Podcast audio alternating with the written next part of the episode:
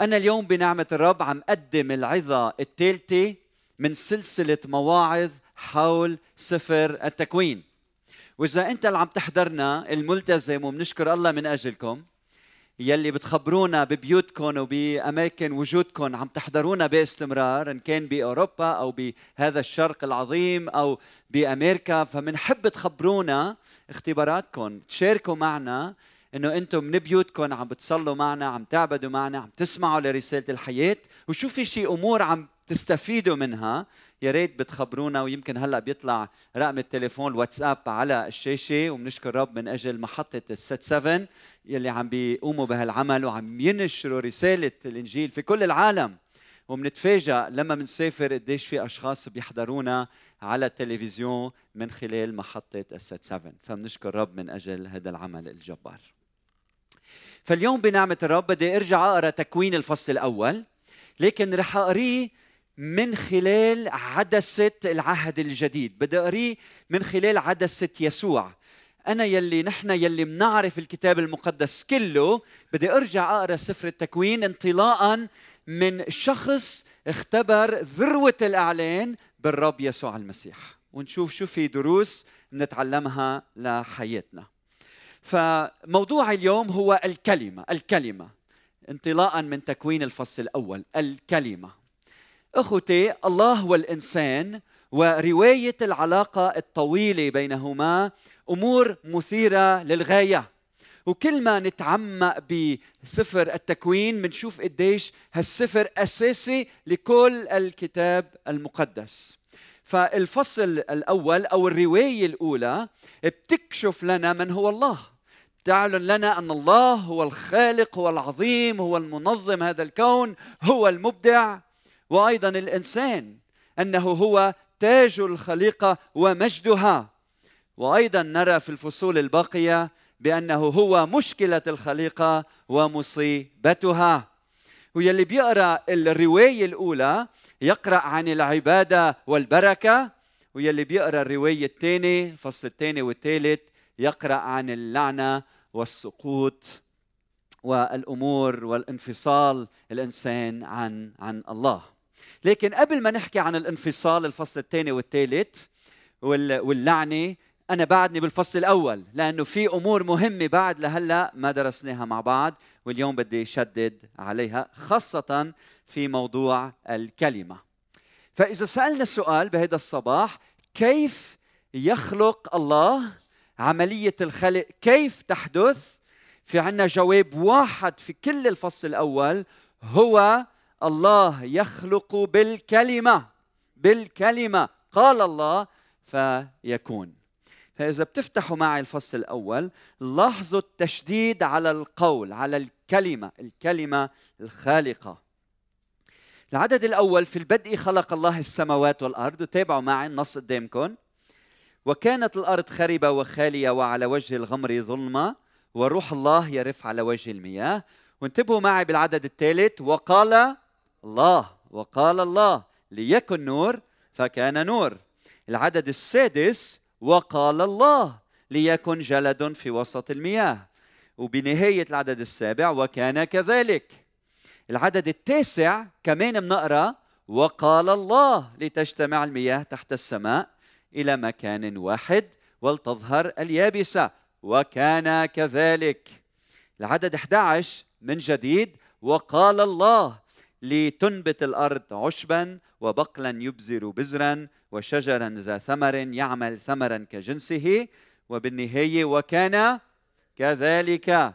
العدد 14 من جديد وقال الله لتكن أنوار في جلد السماء لتفصل بين النهار والليل. وبنهاية العدد 15 وكان كذلك. العدد 20 وقال الله لتفض المياه زحفات ذات أنفس حية وليطر طير فوق الأرض على وجه جلد السماء. والعدد 22 وباركها الله وشو عمل وقال قائلا أثمري واكثري واملئي المياه على البحار وليكثر الطير على الأرض. ومنروح على العدد 24 بعدكم معي. وقال الله وقال الله وقال الله وقال الله. لتخرج الأرض ذوات أنفس. حية كجنسها. والعدد 26 وقال الله لنعمل الإنسان على صورتنا كشبهنا. فيتسلطون على سمك البحر وعلى طير السماء وعلى البهائم وعلى كل الأرض وعلى جميع الدبابات التي تدب على الأرض. فخلق الله الإنسان على صورته على صورة الله خلقه ذكرا وأنثى خلقهم. والعدد 28 وباركهم الله. وشو عمل؟ وقال لهم أثمروا واكثروا واملأوا الأرض وأخضعوها.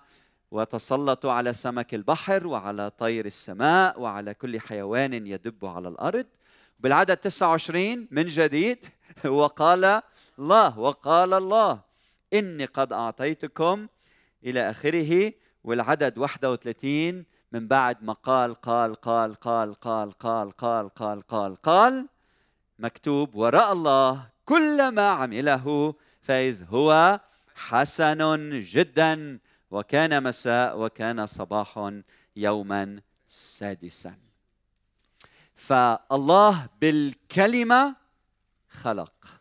فالكلمة هي واسطة الخليقة هي مصدر الخليقة. هي بواسطتها كل شيء حدث على هذه الأرض أو في هذا الكون كله. فاليوم هيدي الكلمة يلي رح أتأمل فيها اليوم هي الكلمة يلي بتكشف لنا طبيعة الله بتكشف لنا خطة الله بتكشف لنا إرادة الله بتكشف لنا مشيئة الله. ومن خلال هالكلمة اليوم في دروس لحياتك ولحياتك مهمة جدا يجب أن نتمسك بها. ورح أبدأ بالدرس الأول. الدرس الأول هو الكلمة والمبادرة الإلهية هذا الدرس الأول الكلمة والمبادرة الإلهية إخوتي إذا أنت موجود في مكان وفي شخص صامت ما بتقدر تعرف فكره ما بتعرف إرادته ما بتعرف شيء عنه صح؟ لكن عندما يتكلم شو بيصير؟ يبادر هو في التواصل مع الآخرين. لما بيتكلم بتعرف مشيئته بتعرف إرادته بتعرف ماذا يريد أه؟ كيف يفكر مستوى تعليم. عندما ينطق أنت بتتعلم عنه أمور عديدة. وهنا لما الكتاب المقدس بيكشف لنا عن وجود الله إنه الله هو الذي خلق يعلن لنا بنفس الوقت إنه الله يتكلم. والله يتكلم يعني الله يدخل في علاقة مع الإنسان. يعني الله يبادر في التواصل مع الآخر. يعني الله بيكشف عن ذاته. فمن دون ما يتكلم الله نحن كلنا ما فينا نعرف شيء عن هذا الإله. لكن لما بيبادر هو عم يبني علاقة عم يعلن عن ذاته عم بيبادر في علاقة مع الخليقة. وهيدا كشف لنا إنه الله منه مثل النجار يلي بيصنع طاولة وبيهملها وبيتركها. النجار ما بيحكي مع طاولته لكن هلأ في عنا قدامنا إله هو أب هو أم هو إله يعتني يهتم يتكلم يخاطب يدخل في علاقة مع الخليقة التي خلقها.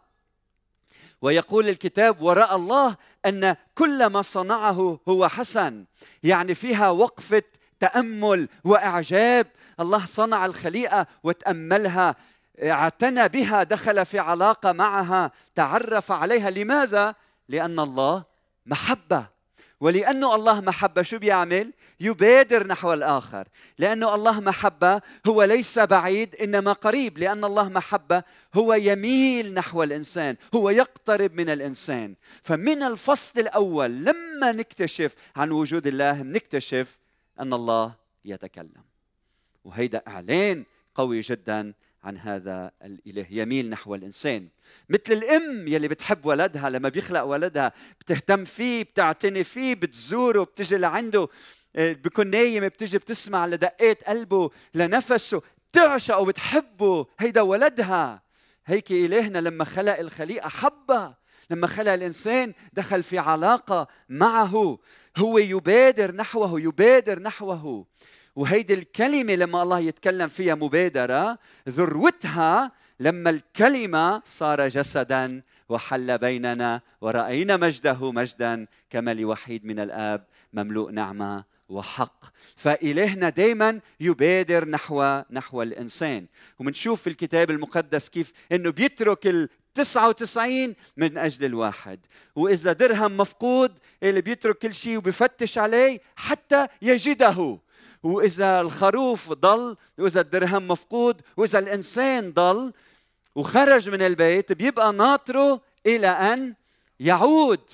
فهذا الإله واقف باستمرار يدق على باب قلبك من دون ملل ولا كلل دايما واقف على باب قلبك عم ببادر في التواصل عم ببادر في اللقاء بك يريدك يحبك مات من أجلك يريد خلاصك عطول نحوك عطول يريد خلاصك واقف على باب قلبك وعم بدق. والسؤال هو هل بتفتح باب قلبك ليدخل الله إلى قلبك؟ فهو يبقى على الباب يدق الباب يدق الباب يدق الباب إلى أن تفتح لترى إله يحبك يبادر من أجلك يأتي إليك لأنك لا تستطيع أن تذهب إليه لوحدك. والدرس العملي هنا المهم في مبادرة الله هو إنه القوي يبادر. القوي زائد المحبة توازي المبادرة. إذا أنت قوي أنت بتبادر في العطاء. إذا أنت قوي أنت بتبادر في المحبة. القوي هو الذي يبادر ببادر بالسلام ببادر بالاتصال ببادر بالكلام اللطيف ببادر بالمصالح ببادر بالسلام. فإذا اثنين مختلفين بالبيت مين القوي؟ مين القوي بيناتهم؟ من يبادر في المحبه من يبادر بالخدمة. الذي يحب يبادر الذي يحب يبادر. لما تعرفت على كريستا اللي صارت زوجتي تعرفت عليها بتشيكيا تعرفت عليها بالكلية اللي كنت عم بدرس فيها وبعدين رجعت على بلدها هي من لاتفيا ولأني بحب وحبيتها شو عملت؟ لفيت ساندويتش وعبيت قنينة مي وطلعت بالباص 24 ساعة فقط لكي ألتقي بها لحتى أتصل لحتى أتعرف لحتى أشوفها بادرت في التواصل ليه؟ لأني حبيتها وانت لما بتحب بتبادر وإلهنا مش 24 ساعة بالسيارة ترك السماء من أجلنا قد ما بيحب الإنسان. فالذي يحب يبادر. لما نحن عملنا إرشاد للمزوجين تعلمنا مبدأ كتير مهم كتابي يلي بيقول لا تغرب الشمس على غيظكم. يعني قد ما اختلفتوا لازم عشية تتصالحوا قبل ما تناموا أو تحكوا بالموضوع. وإذا معقد كثير بتأجلوه لوقت تاني لكن بيصير في حديث حوله مصالحة سلام بيناتكم. وبتذكر إنه تعلمنا هذا الدرس وإن شاء الله كل واحد منا بيطبقه ببيته وبحياته. لكن يوم من الأيام أول مرة أنا وكريستا اختلفنا. كنا بألمانيا وكان الاختلاف شديد وكان في سوء تفاهم بيناتنا لدرجة إنه كل واحد راح على محل. فهي بأوضة وأنا بأوضة بغرفة ثانية ولما بتكون بهالحاله هيدي بتتذكر قول المرشد تبعك شو هو؟ لا تغرب الشمس على غيظكم وبلشت تغيب الشمس وبلشت تغيب الشمس وشو بدنا نعمل؟ وفجأة لما بتحس بهالصوت الإلهي يلي بيقول لك بادر بالمحبة إيه، في عندك صوت تاني يلي هو العنفوان والرجولة والعضلات وال... وال... وانت رجال ولا أنا ما بادر خلي هي تجي هي غلطانة هي الحق عليها لكن هال هالشعور السيء هيدا؟ بيجي مقابله شعور إلهي صادق بيحكي معك. ولما أنا أخذت قرار إني بادر وفوت لعندها بتذكر إني لما قربت وفتحت الباب لفوت شفتها هي واقفة وجاية لعندي لأنه كانت عم تاخذ نفس المبادرة. فلما الاثنين بيبادروا نحو بعضهم البعض هنا القوة الحقيقية وهنا السلام. إذا الله القوي بادر نحو الإنسان. هل الإنسان يبادر نحو أخيه الإنسان؟ شو رأيك؟ شو رأيك؟ الدرس الثاني الدرس الثاني الكلمة ومفهوم الحرية. الكلمة ومفهوم الحرية. هيدي الكلمة وقال الله يلي بنشوفها بالفصل الأول هي كلمة سيادية. يعني عندما يتكلم الله ماذا يحدث؟ تصغي الخليقة صح؟ كن فيكون تصغي الخليقة بتتجاوب الخليقة مع مخاطبة الله لها مع كلام الله لها. والكتاب المقدس بيكشف لنا كل ما نتعمق فيه إنه الله لما بيتكلم بيتكلم بشغف بيتكلم بحب بيتكلم بطوق بيتكلم بعشق نحو الإنسان. لكن هذه الكلمة لا تخترق الإنسان قهرا. انتبهوا إنها مثيرة وجذابة وتحاكي النفس.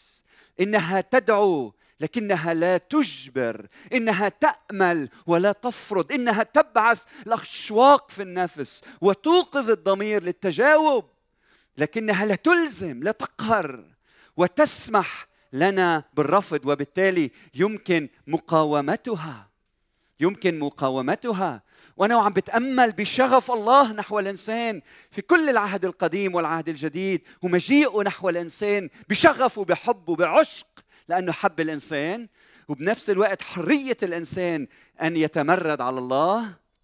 ذكرني الرب بلما الرب يسوع المسيح طل على أورشليم مدينة أورشليم. قال هذه الكلمات يا أورشليم يا أورشليم يا قاتلة الأنبياء وراجمة المرسلين إليها. كم مرة أردت أن أجمع أولادك كما تجمع الدجاجه فراخها تحت جناحيها. ولم تريدوا. فشايفين الشغف؟ وين يا يسوع؟ كم مرة جربت؟ هيدا الله يتكلم في العهد القديم يلي عم يجمع شعبه باستمرار. كم مرة كم مرة كان فيك يا إلهنا بكلمة واحدة تلغي الإنسان وتخلق غيره لكن بشغف وبحب يبادر ويبادر ويبادر ويبادر. لكن الإنسان ماذا يفعل هنا؟ لم تريدوا لم تريدوا فالله دائما يبادر نحوك من أجل علاجك من أجل شفائك من أجل خلاصك من أجل علاج بيتك وصحة عائلتك. ولكن الإنسان شو بيعمل؟ عنده كل الحرية مقابل الشغف الإلهي إنه يبرم ظهره. أن يقول كلا. فأسوأ موقف ممكن ياخذه الإنسان بكل الحياة هو لما الله بيتكلم لإلك أنت بتسكر دينك. لما الله بيقول لك انتبه انتبه على ولدك. أعطيه وقت اهتم فيه. وأنت شو بتعمل؟ بتسكر دينيك لما ربنا بيقول لك روح زور الفقير والمحتاج. وانت بتسكر دينيك. لما الله بيقول لك آه، قدم الاحترام لزوجك وانت بتسكري دينيك. لما الله بيحكي معك بطرق متنوعة وانت بتصير عم بتسكر دينك بيقول لك صلي من أجل راعي كنيستك صلي من أجل قادة الكنيسة صلي من أجل انتشار الإنجيل في العالم. وانت بتسكر دينيك وبتسكر تمك لأنه لا تريد أن تطيع الله. وأعظم موقف ممكن ياخذه الإنسان هو لما الله يحاكي يتكلم في ضميرك يتكلم في اذان في ذهنك إنك تحول هذه الكلمات على فمك انشود التسبيح وأفعال محبة في خدمة الآخر. يعني لما الله يقول لك مثلا اعتني بزوجتك اهتم فيها اعطيها وقت. هالإعلان الإلهي بيتحول على شفتيك. شكرا يا رب لأنك أنت بهمك عائلتي. شكرا يا رب لأنك عم بتوعيني لحتى أحمي زوجتي. شكرا يا رب لأنك أنت بدك خيري بدك شفائي بدك علاج هيدا البيت. شكرا لك إيه بيتحول تسبيحة على فمك. وبعدين بتلقط التليفون وبتلفن لزوجتك. حياتي اشتقت لك. شو رأيك اليوم؟ نظهر مع بعض ناكل لقمة. ها بيتحول فعل بحياتك بيتحول فعل بحياتك.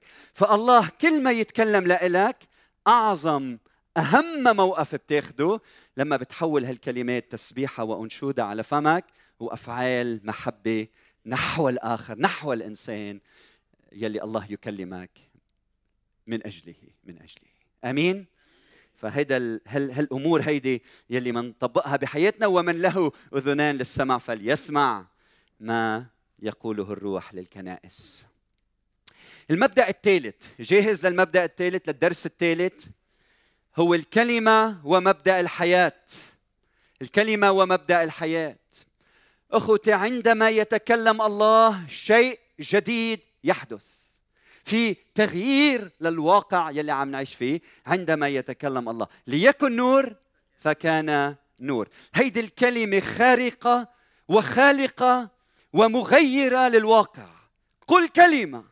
فيبرأ غلامي. أرسل كلمته مزمور 107 فشفاهم به يوحنا كان كل شيء.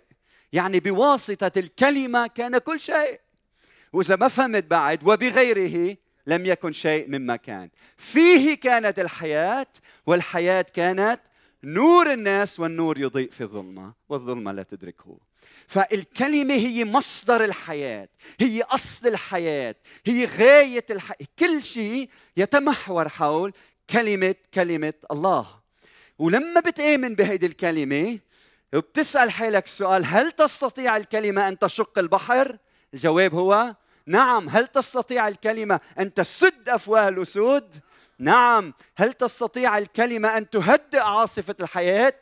نعم هل تستطيع الكلمة أن تمنع المرض من أن ينتشر في الجسم؟ نعم لما الله بيتكلم في حياة في حياة. فأنت تحتاج إلى كلام الله بحياتك وما فيك تعيش خارج الكلمة وتقول أنا بدي الحياة. الحياة تجدها في كلمتي في كلمة الله. اتصل في صاحب مطعم بيقول لي قسيس نحن بنعرف عن إيمانكم في عندي عائله زوج وزوجه مسيحية بدي تقعد معهم وشوي تساعدهم لأنه عم يتخبطوا بعلاقتهم الزوجية. فأنا قلت بكل سرور أعطيتهم موعد قعدت أنا وياهم. ولما قعدنا مع بعض سألتهم كذا سؤال. قلت لهم من بعد ما خبروني قصة حياتهم قلت لهم هل أنتم عايشين حول الكلمة المقدسة؟ إيه لا. هل أنتم بتقروا الكلمة المقدسة؟ إيه لا. هل أنتم بتسلكوا بموجب الكلمة المقدسة؟ قالوا لا. هل أنتم بتصلوا مع بعض الكلمة المقدسة؟ قالوا لا. هل انت بخدمتك وبحياتك وبمؤسستك وبشغلك عم بتشوف هالمؤسسة خدمة ومن خلال عائلتك عم تخدم هيدي الكلمة المقدسة؟ قال لا. قلت لهم وشو عم تعملوا عندي؟ شو جايين تعملوا هنا؟ بدكم الحياة ومصدر الحياة كلمة الله مش موجودة ببيتكم. فإذا بدك الحياة خارج الكلمة لن تجدها. فبدي شجعك ترجع على الأساس على كلمة الله.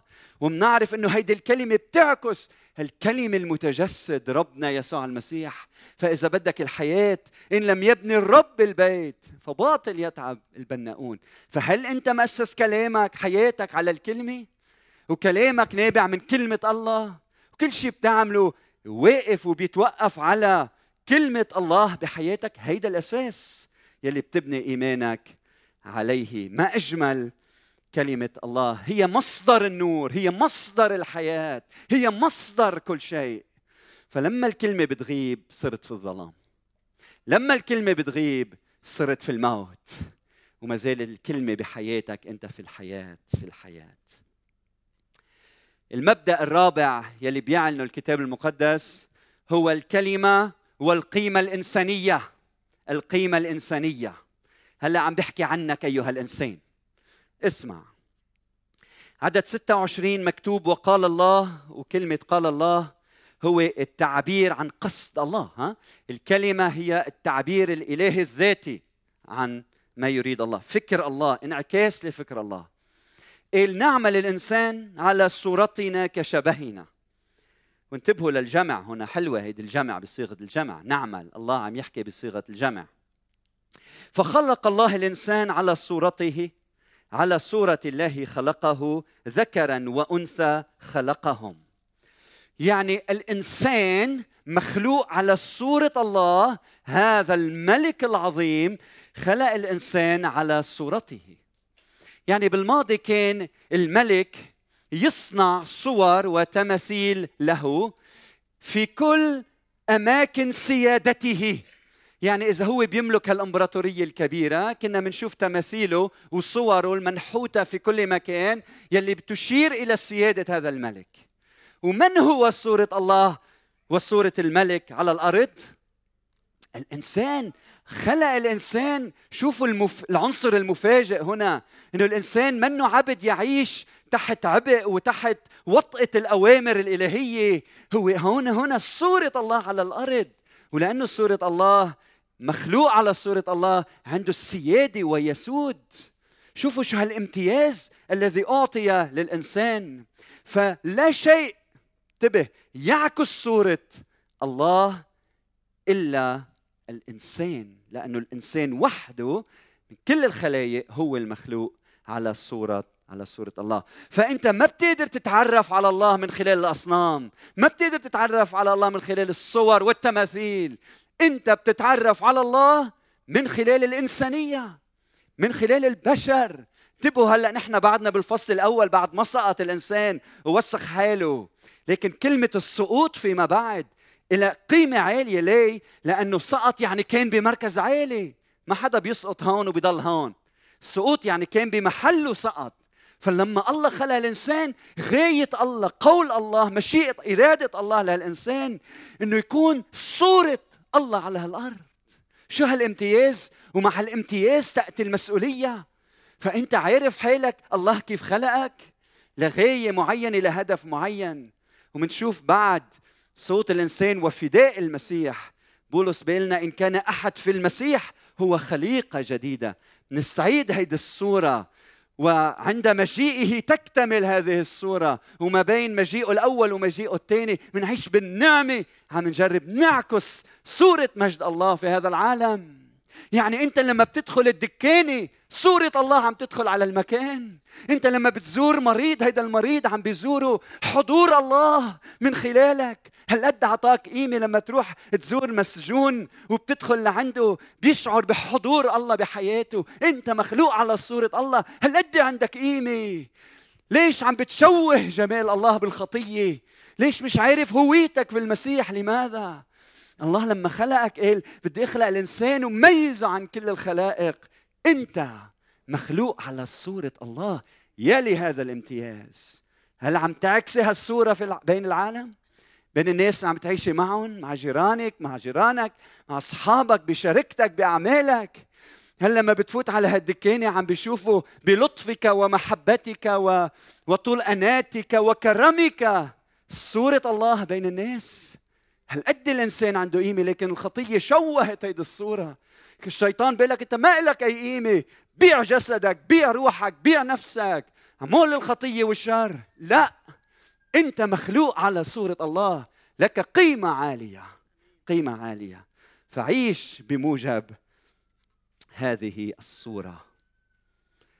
ولما بتعيش هذه الصورة بين الناس بينتشر ملكوت الله. الملك بينتشر ملكه على الأرض من خلال صورته يلي هو أنت وأينما وجدت أيها المؤمن هناك ملكوت الله يحل في المكان. وهلأ الدرس الخامس. الدرس الخامس جاهز للدرس الخامس؟ مهم جدا مهم جدا. الكلمة وأهمية الجنسين. أهمية الجنسين. عدد 27 يقول فخلق الله الإنسان على صورته على صورة الله خلقه ذكرا وأنثى خلقهم. أي أن الإنسان مخلوق على صورة الله وأن تميزه الجنسي هو أيضا جزء من إرادة الله للإنسان.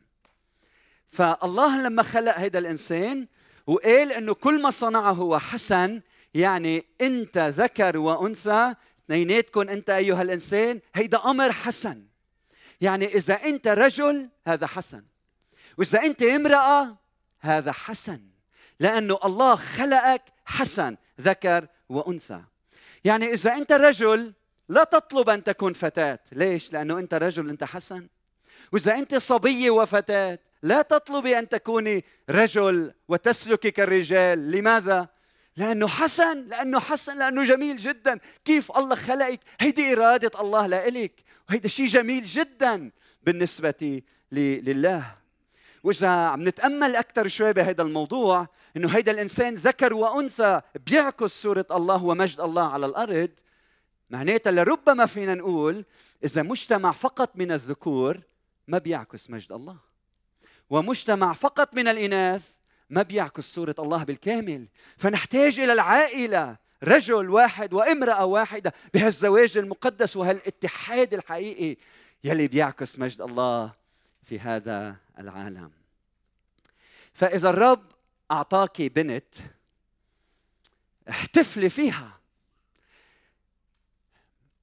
بتعرفوا في في في رجل في صبية خبرتني عن بيا شبه بيا بالنسبة لإلي يلي لما خلقت خلقت هيدي البنت كان هو بده شاب كان بده الصبي كل الوقت لكن لأنه خلقت بنت كل ما كانت تغلط هي وعم تكبر كان يلعنها ويقول أنا كان بدي صبي ليكو شو إجاني. إياك أن تفعل ذلك.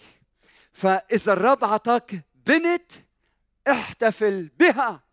وإذا الرب اعطاك صبي احتفل ولد احتفل به. اعطيه بنتك نفس الفرص يلي بتعطيها لابنك. حبه وحبها بنفس الطريقة. اعطيه وقت لبنتك قد ما بتعطي وقت لابنك. اعطيها فرص لتنمى وتكون خلاقه ومبدعة واعطيها فرص بالعمل مثل ما بتعطي ابنك فرص بالعمل. ورت ابنك قد ما بتورت بنتك. وورد بنتك قد ما بتورت ابنك لأنه اثنيناتهم متساويان في الكرامة أمام الله. فمين أنت أيها الإنسان إنك تعطي فلان أقل من فليتين ما هن متساويين في الكرامة أمام أمام الله. أنت ابن إبراهيم ويسوع بقول عن الامرأة المنحنية الظهر هي أيضا ابنة ابنة إبراهيم. وبولس بالروح القدس بيقول لا ذكر ولا أنثى في المسيح. بل يكون الجميع واحد في المسيح يسوع. نحن بيسوع المسيح واحد على متساويان في الكرامة والمجد لأنه الذكر والأنثى مخلوقان على صورة الله. فبدي أشوف هيدا الشيء عم بتطبقه بحياتك تجاه أولادك بعلاقتك مع البنات وعلاقتك مع الشباب ها؟ بدك تعكس الحقيقة إنه إرادة الله رجل إرادة الله المرأة حسن حسن. معا الرجل والامرأة في الزواج. يجسدان مشيئة الله ويتحدان بالزواج. بصيروا إنسان واحد رجل وامرأة. إيه، هالإنسان المتكامل مع بعضه البعض يمجد الله في العائلة. الدرس السادس والمهم جدا. جاهزين للدرس السادس؟ بعد عندي درسين ستة وسبعة. بحب رقم سبعة. رقم ستة الكلمة والسلطة الإلهية. الكلمة والسلطة الإلهية العدد 26 وقال الله. انتبهوا نعمل الإنسان على صورتنا كشبهنا. وقولوا معي فيتسلطون. قولوا معي فيتسلطون على سمك البحر وعلى طير السماء وعلى البهائم وعلى كل الأرض. وعلى جميع الدبابات التي تدب على الأرض. وباركهم الله وقال لهم اثمروا واكثروا واملأوا الأرض واخضعوها وتسلطوا على سمك البحر وعلى طير السماء وعلى كل حيوان يدب على الأرض. سؤالي لكم من الذي يتسلط على الكل؟ من؟ الله. وهنا بنشوف إنه الله ماذا فعل؟ تخلى عن قيادته للخليقة وحط بيد الإنسان. يعني الله لما تكلم أخلى من مجده وأعطى الإنسان من مجده. لما الله تكلم تخلى عن سلطة القيادة. شوفوا هالكرم الإلهي يلي خلق كل شيء وكل شيء ملكه. لما خلق الإنسان قال له خدها. لما تكلم الله تكلم عن الإخلاء والعطاء يا لعظمه الله. وذروة الإخلاء ظهرت في شخص الرب يسوع المسيح الذي قيل فيه الذي إذ كان في صورة الله لم يحسب خلسة أن يكون معادلا لله يعني لم يتمسك بهذه المعادلة كغنيمة لكنه قولوا معي أخلى نفسه آخذا صورة عبد صائرا في شبه الناس وإذ وجد في الهيئة كإنسان أطاع حتى الموت موت الصليب. فهيدا الإله اللي عنا هو إله واثق لدرجة أنه لا يتمسك بالسلطة لا يتمسك بالسلطة. ويسوع جسد هيدي الحقيقة جسد مفهوم الإخلاء في شخصه المبارك. فبدي أسألك هل أنت مثل هيدا الإله؟ يلي بفاجئنا هنا بفاجئنا. يلي كنا بنتوقع شيء تاني لكن بنشوفه خلق كل شيء وعطى السلطة للإنسان عطى السلطة للإنسان. والإنسان المخلوق على صورة الله يجب أن لا يتمسك بالسلطة لأنه هو على صورته كان ببيته كان بشغله كان بمؤسسته كان بكنيسته ويشارك السلطة المسؤولية مع الآخرين لأنه الإنسان مخلوق على صورة الله هل الرب يسوع المسيح حكي عن السلطة؟ هل يسوع حكي عن التسلط والسيادة؟ نعم قال أنتم تعلمون أن رؤساء الأمم يسودونهم والعظماء يتسلطون عليهم. لا يكون هكذا فيكم بل من أراد أن يكون فيكم عظيما فليكن لكم خادما ومن أراد أن يكون فيكم أولا فليكن لكم عبدا. خذ هالحقيقة كيف أنه إلهنا خلق الكل وعطى السلطة للآخر؟ ولما تكلم أخلى عن ذاته من أجل الآخر وذروة الإعلان عن هالكلمة تجسدت جسدت بالرب يسوع المسيح خذ هالحقيقة واعمل معروف طبقها بيتك طبقها بمؤسستك طبقها بكنيستك. عيش هيدا الإخلاق الحقيقي. عيش ولما تتكلم ما تتكلم عن ذاتك تتكلم عن كيف تشارك السلطة مع الآخرين. وهيك الرب بيتمجد من خلالك لأنه أنت عم تعكس صورة الله بين الناس. أمين؟ رح تطبق هيدا الشيء رح تطبق هيدا الشيء بعلاقتك مع الآخر؟ ببطل في مشاكل زوجية لما منعيش هالكلمات. لما بتخلى عن السلطة لأني أحب من أجل الآخر وبشارك ما لي مع الآخرين. هيدا الاختلاء هيدا التخلي هيدا إعلان إعطاء الذات الإخلاء نحو الآخرين. طيب وهلأ بنوصل للمبدأ السابع والأخير للدرس السابع المهم جدا. هو الكلمة وطبيعة الله. الكلمة وطبيعة الله. فانتبه. رح أقرأ العدد الأول والثاني وانتبهوا لهالكلمات. بيقول في البدء خلق الله السماوات والأرض. هيدا الله هو الآب. هو يلي بيكشف لنا العهد القديم هو أب شعب الله. والرب يسوع المسيح أخذ هيدي الحقيقة وجعلها محور تعليمه. وعلمنا لما منصلي منقول أبانا الذي في السماوات ليتقدس اسمه. هيدا الإله العظيم يلي خلق الكل هو الآب السماء هو بيك هو بيك هو بيك أيها الإنسان. العدد الثاني وكانت الأرض خربة وخالية وعلى وجه الغمر ظلمة وروح الله يرف على وجه المياه. روح الله نحن بنعرف إنه الله روح بقلنا يسوع المسيح والذين يسجدون لله فبالروح والحق ينبغي أن يسجدوا. الله روح المزمور 104 28 انتبهوا لهالكلمات. ما أجمل هالآيتين. بقول تفتح يدك فتشبع خيرا. تحجب وجهك فترتاع.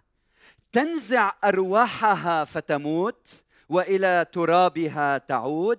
ترسل روحك فتخلق وتجدد وجه الأرض. هيدا مين هيدا؟ هيدا الروح القدس. يلي كشف لنا إياه العهد الجديد الرب يسوع المسيح يلي اسمه الروح القدس. هذا الروح الحاضر معنا في هذا المكان بهيدي اللحظة بهال بهاللحظات. هذا الروح القدس. هلأ حاول البعض هون عندي إشكالية شوي صعبة بدي حلها فركزوا معي.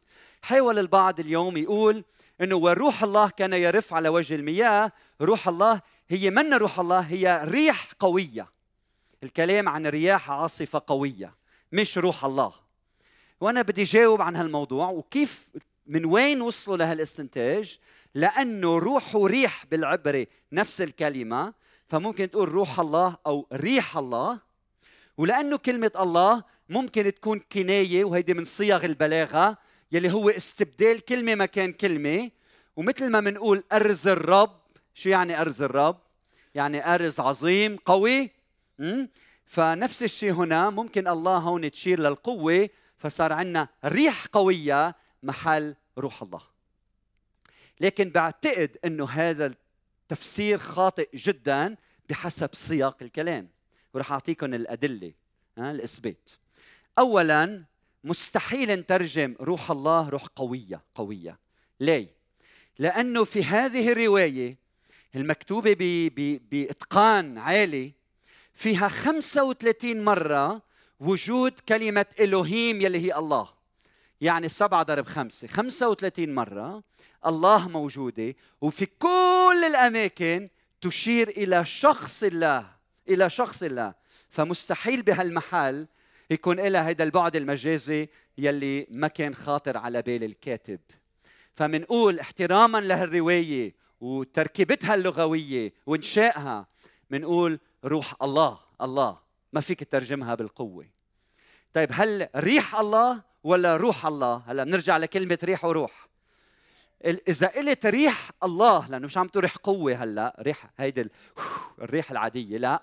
عم تحكي عن ريح الله يعني حضور الله هيدا الشيء ممكن. لكن أفضل تترجمها روح الله مش ريح الله. لماذا؟ لأنه لو ريح الله ما كان قال ريح الله ترف على وجه المياه. كان استعمل المصطلح المستخدم في الأماكن الأخرى. إيه؟ تعصف الريح تعصف أو تهب الريح أو عند هبوب الريح. لكن ليش استعمل كلمة ترف أو يرف؟ للإشارة إلى الروح. فالتفسير التقليدي وروح الله هو التفسير الدقيق والصحيح. وإذا قلت ريح بمعنى نفس الله حضور الله. وحضور الله هو الروح القدس. روح الله الحاضر. معنا والمزمور 134 بيقول ترسل روحك فتخلق وتجدد وجه الأرض. ترسل روحك يا الله. وهيدي إشارة لسفر التكوين. فهنا الكلام عن الآب والكلام عن الروح القدس روح الله. خليكن معي. وقال الله ليكن نور. فكان نور. قال الله وانتبهوا معي قال الله هيدي الكلمة هون مش مخلوقة. هي الكلمة الخالقة. هي الكلمة يلي عم تؤمر لحتى يحدث أمر. هيدي الكلمة اللي عم تخلق الخارقة الخالقة المغيرة للواقع. هيدي كلمة الله. هيدي إعلان عن إرادة الله الذاتي الأزلي يلي دائما مع الله. ازليا مع الله. هيدي كلمة الله يلي بتعلن عن فكره وإرادته في ذاته في كيانه. وكتلاميذ العهد الجديد نحن لما بنقرأ تكوين واحد في البدء خلق الله بنقرأ معها يوحنا واحد في البدء كان الكلمة. هنا بداية الخليقة الأولى هنا بداية الخليقة الثانية هنا مضمون الخليقة الأولى هنا مضمون الخليقة الثانية. في البدء كان الكلمة.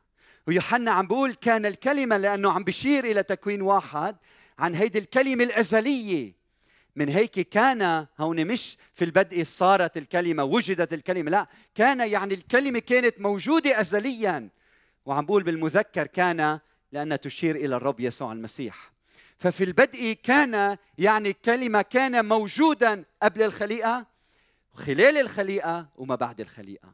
من هيك الفعل هو فعل مستمر. وبتعرفوا الترجمات العربية القديمة إما بتحط في البدء كان الكلمة موجودا أو بتحط في البدء لم يزل الكلمة. لم يزل الكلمة. عمل مستمر.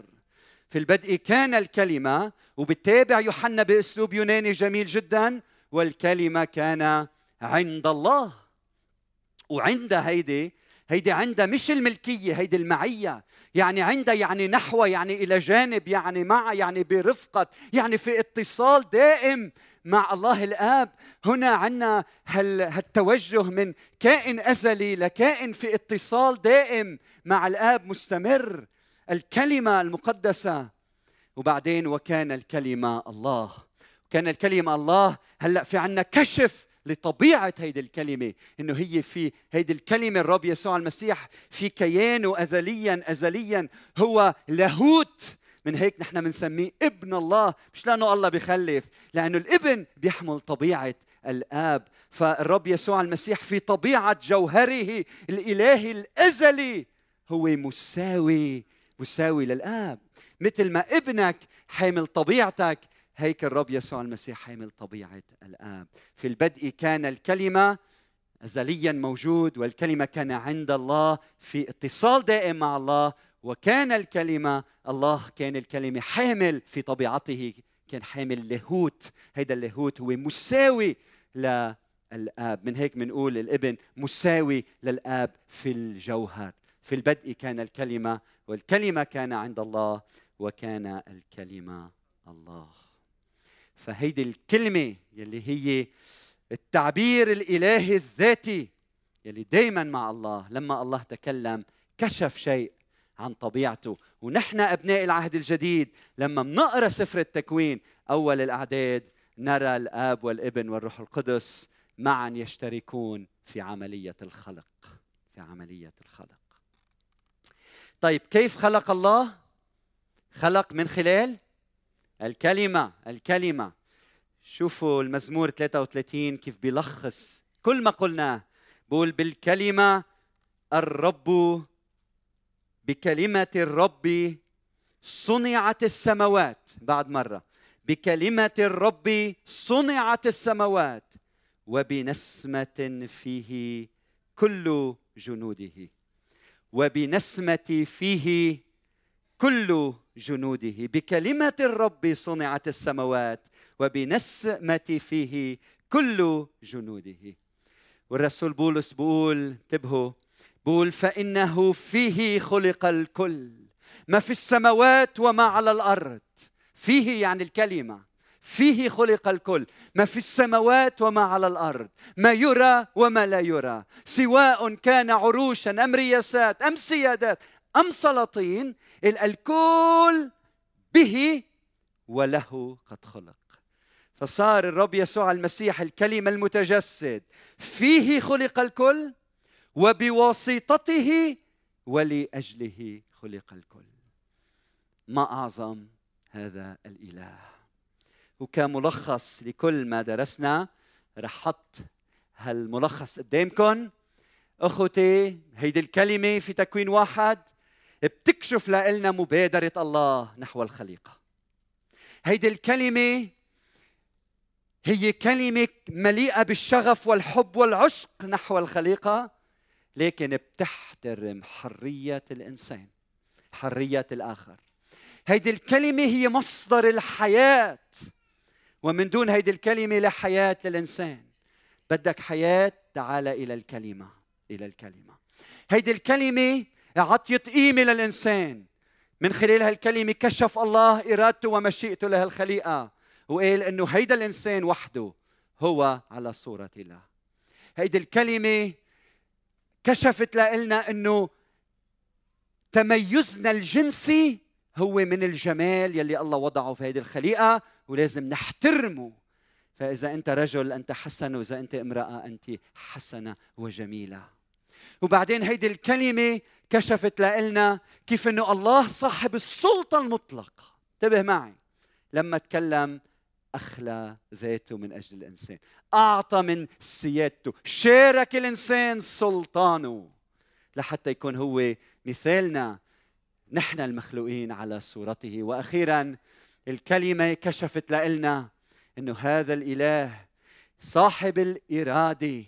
هذا الإله يلي الذي يفكر لأنه شخص. هيدا الإله الحي ناطق بكلامه. هيدي الكلمة أعلن لنا العهد الجديد إنه لما قال الله كل شيء صار بواسطة الكلمة يلي هي الرب يسوع المسيح يلي تجسد في أرضنا. فإذا بدك هل تريد أن ترى الله؟ هل تريد أن ترى الآب السماوي؟ هل تريد أن